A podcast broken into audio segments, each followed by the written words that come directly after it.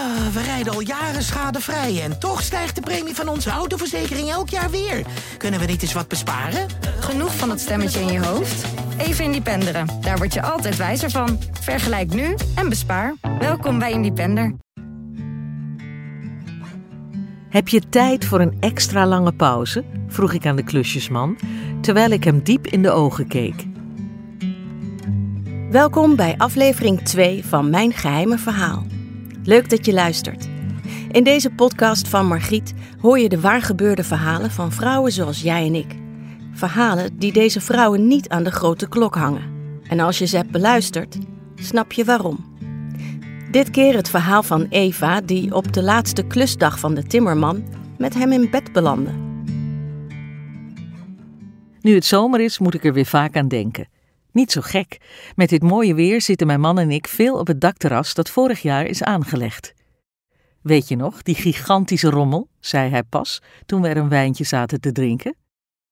Ik herinner mij heel andere dingen uit die periode. De uitdagende blik van onze timmerman Niek als ik hem een kopje koffie bracht, zijn charmante lach, zijn grote hand met blonde haartjes die geregeld toevallig op mijn arm belandde, en natuurlijk die ene keer dat het uit de hand liep. Mijn man en ik kochten een paar jaar geleden een ander huis. Er was nog een hoop te klussen. Het meeste deden we zelf, maar sommige dingen gingen onze pet te boven. Zoals het aanleggen van een terras met omheining op ons platte dak. Niek werd me aangeraden door mijn schoonzus. Hij is goed en erg leuk, zei ze lachend toen ze zijn telefoonnummer gaf. Helemaal niet erg om die over de vloer te hebben. Ik was haar uitspraak alweer vergeten toen ik een maand of twee later de deur voor Niek opentrok, maar ze had helemaal gelijk. Niek, begin vijftig, had een mooie lach, een goede bos haar en vooral een heel sympathieke uitstraling. En hij was inderdaad reuze aardig, ontdekte ik al snel toen we doornamen wat er moest gebeuren. Die avond vertelde ik mijn man na zijn werk dat ik alle vertrouwen had in Niek en dat hij twee weken later van start zou gaan. Mits het goed weer was.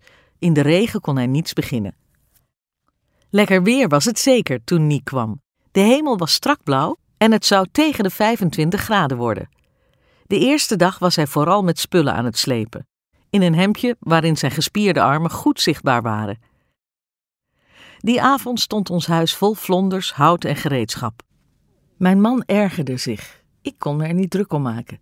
Stiekem verheugde ik mij al op de volgende dag en ik was blij dat ik, in tegenstelling tot mijn man, thuis werkte. Want ik kon er niet omheen. Ik vond Niek echt heel erg aantrekkelijk. Het was lang geleden dat ik dergelijke gevoelens voor een andere man had gekoesterd.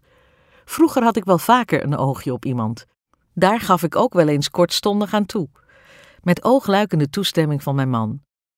Toen we trouwden maakten wij namelijk de afspraak dat we een avontuurtje met iemand anders niet per se uit de weg hoefden te gaan. We zouden er wel op letten dat het niet serieus werd. En we wilden het liever niet van elkaar weten, dus we zouden er niets van laten merken. Vriendinnen hebben zich vaak verbaasd over onze afspraak. Dat snap ik best, maar voor ons werkte het. Hoe het bij mijn man zit, dat weet ik niet.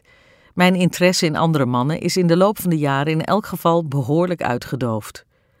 Avontuurtjes, ik ben er niet meer mee bezig. Niek zette alles op zijn kop.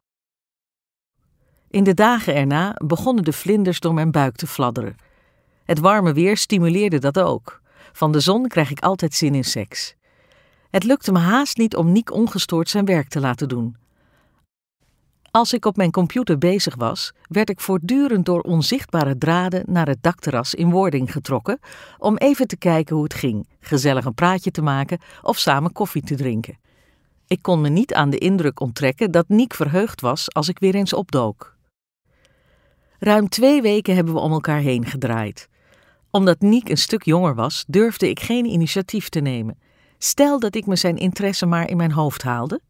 Ik had geen zin in een blauwtje maar de zwoele blikken van Niek werden steeds intenser. Ons koffiedrinken langduriger. Hij raakte me telkens per ongeluk aan. Ja, de lucht tussen ons zinderde en dat gaf me zelfvertrouwen. Op de laatste dag dat hij bij ons aan het werk was, dacht ik: het is nu of nooit. Mijn man vertrok al vroeg naar zijn werk. Weer dronken Niek en ik een paar keer koffie in de zon en aan het begin van de middag boog ik me naar hem toe. Heb je tijd voor een extra lange pauze? vroeg ik. terwijl ik hem diep in de ogen keek en met mijn hand zijn wang streelde.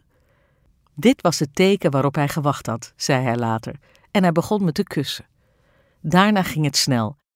Ik trok hem mee naar de slaapkamer en daar hebben we elkaar in rap tempo uitgekleed. Er volgde een vrijpartij waar de vonken vanaf vlogen. Ik vond het zalig om zijn mooie lijf te mogen aanraken, zijn stevige armen om me heen te voelen en zoenen dat hij kon.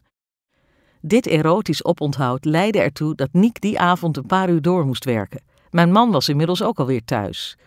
Dat was wel ongemakkelijk. Vroeger voelde ik me nooit schuldig over mijn escapades. Dit keer wist ik niet waar ik kijken moest. Want in ons eigen huis, in ons eigen bed, dat had ik nooit eerder gedaan. En het ging toch wel ver. Mijn man zou het absoluut niet leuk vinden.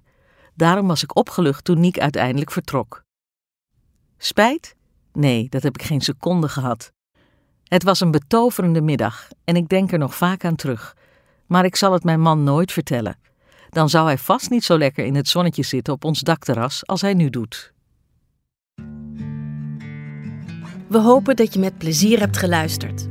Meer geheime verhalen horen? Abonneer je op deze podcast.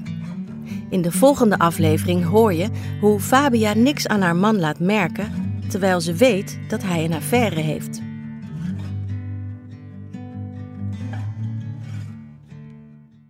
Ehm, past onze autoverzekering straks nog wel bij de nieuwe auto die we gaan kopen?